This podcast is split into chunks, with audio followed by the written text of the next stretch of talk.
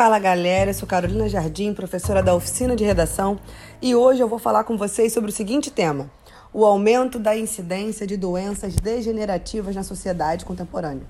A primeira forma de contextualização que vem à mente é justamente definir o que são doenças degenerativas, porque vocês com certeza já ouviram falar de algumas, mas esse nome pode não fazer associação direta.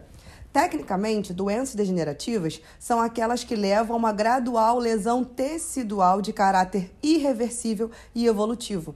É importante pensar nesse aspecto, que é irreversível e evolutivo, porque a própria definição já mostra pra gente que a grande forma de solucionar as doenças degenerativas é de modo preventivo e não curativo, já que é irreversível e evolutivo.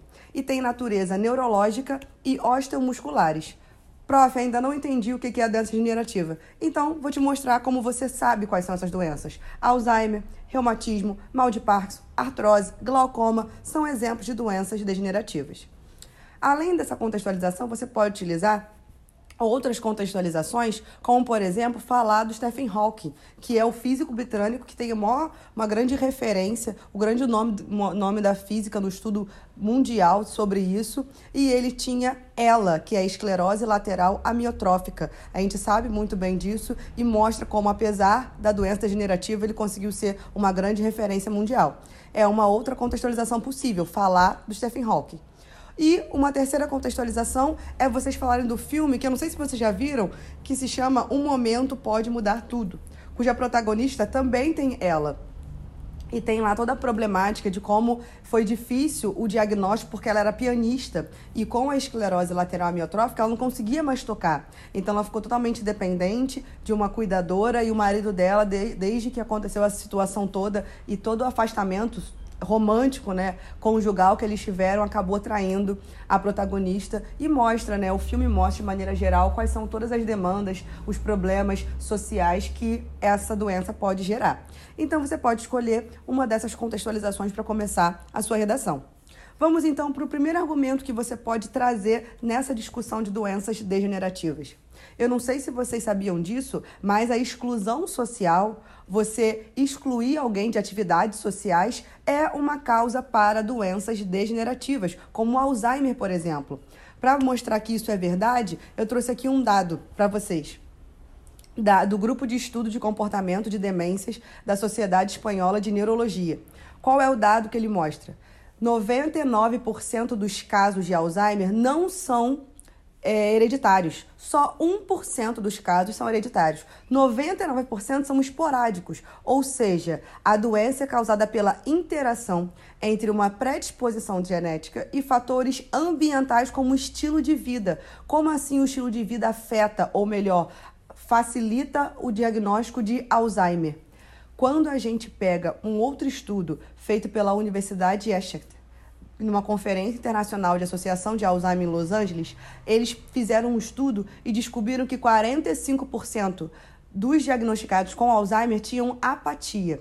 Como que a gente pode utilizar esses dados? A gente mostra que 99% dos casos não são hereditários e que uma grande motivação é o estilo de vida apático, ou seja, a exclusão social, como que a gente não envolve as pessoas, não as pessoas só que já foram diagnosticadas. A gente sabe muito bem que as doenças degenerativas, elas são muito comuns nos idosos. E pensa comigo como a gente exclui os idosos das nossas atividades sociais, seja porque nossas atividades hoje têm muito vínculo com a internet, internet e nós temos uma exclusão, uma exclusão digital da terceira idade muito grande, seja porque eles geralmente ficam ou em asilos ou não tem quem cuide totalmente deles todos os dias, eles ficam muito tempo sozinhos, não tem muitas atividades sociais voltadas para essa faixa etária. Então a gente consegue perceber como de fato os idosos são excluídos das atividades sociais e como que isso é um grande motivador para doenças degenerativas como o Alzheimer.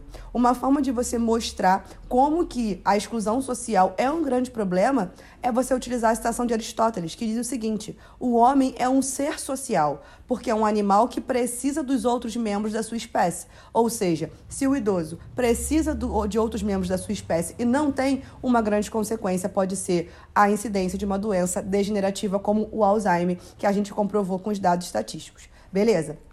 Esse seria o nosso primeiro parágrafo de desenvolvimento. O nosso segundo parágrafo poderia falar que uma outra causa para a incidência de doenças degenerativas é a falta de estímulos, estímulos cerebrais. Quando você tem poucos estímulos cerebrais, você pode ter o diagnóstico de mal de Parkinson, por exemplo. Como assim? Um estudo feito pela revista britânica científica Brain disse o seguinte: para cada ano adicional que a pessoa passou no sistema educacional, houve uma diminuição de 11% nos riscos de ela desenvolver sintomas como demência, ou seja, doenças degenerativas. Então, olha como que o estudo, ou seja, o estímulo cerebral por meio do acesso à educação, diminui a probabilidade a cada ano que você estuda em 11% de você ter doenças degenerativas, sintomas de demência. Então é importante falar sobre isso e mostrar como que a pessoa que já vive uma exclusão ao acesso à educação, tem um precário acesso à educação, seja porque evadiu a escola muito cedo, seja porque não tem acesso financeiro para poder continuar os estudos de maneira independente ou de conjugar com o trabalho, essa pessoa que já vive uma precariedade no acesso à educação, ela vai viver uma precariedade em sua saúde posteriormente, ou melhor, é mais provável de desenvolver doenças degenerativas. Uma outra forma de você falar sobre o mal de Parkinson nesse segundo argumento é falar como que a doença mal de Parkinson ela age no cérebro humano. Né? Ela acaba com o neurotransmissor do prazer e da coordenação motora, que é a dopamina. Né? A, a transmissão de dopamina fica prejudicada e é por isso que, além de ter o problema da coordenação motora, né? porque a gente associa logo o mal de Parkinson ao problema de coordenação motora, principalmente das mãos, mas também ao neurotransmissor do prazer, a dopamina. Ou seja, eu tenho aí de novo um diagnóstico de uma doença degenerativa que influencia no aspecto social, de como você não tem sensação de prazer, como que isso pode te, te deixar triste no seu cotidiano. Além disso, também tem a, o prejudi é prejudicado né, a transmissão de serotonina também é prejudicada, que é a molécula responsável pela sensação de bem-estar. Ou seja, esse diagnóstico gera problemas de autoestima, de bem-estar dentro dessa realidade de uma doença degenerativa.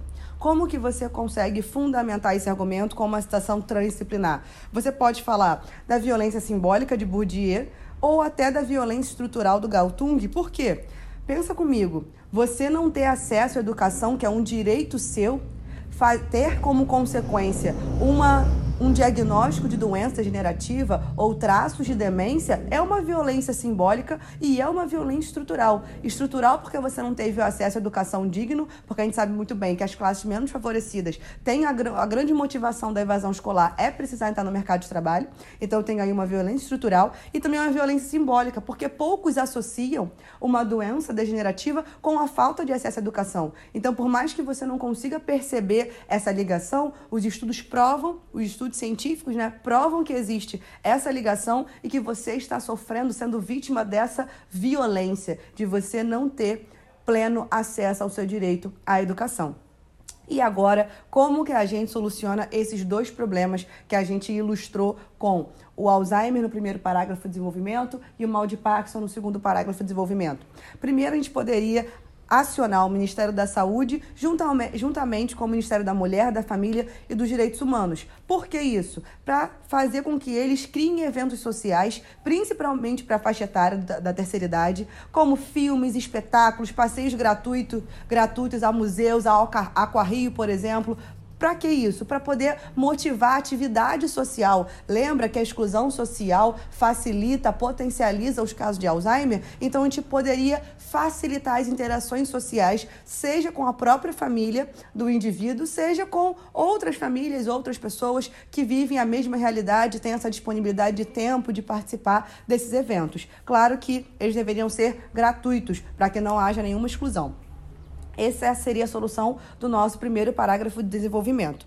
Para o nosso segundo parágrafo de desenvolvimento, a gente poderia acionar novamente o Ministério da Saúde, até porque o tema são doenças minerativas, e juntamente com o Ministério da Saúde, teríamos o Ministério da Educação. Por quê? Para que eles pudessem disponibilizar cursos presenciais e online também gratuitos e à distância para adultos para poder ter estímulos cerebrais, não só pensar na terceira idade, porque lembra que a grande forma de você acabar com a doença degenerativa é prevenindo. Então, eu preciso pensar enquanto Ministério da Educação como eu combato a evasão escolar, para que eu tenha de fato um adolescente que ficou todos os anos necessários na escola, para facilitar a entrada dele na graduação e depois de adulto também de continuar com esse vínculo de estudos. E aí que entram os cursos presenciais gratuitos, online ou à distância, beleza? Porque aí a gente consegue ter mais estímulos, estímulos cerebrais como forma de prevenir doenças degenerativas. Beleza? Espero ter ajudado vocês. Beijos e até a próxima.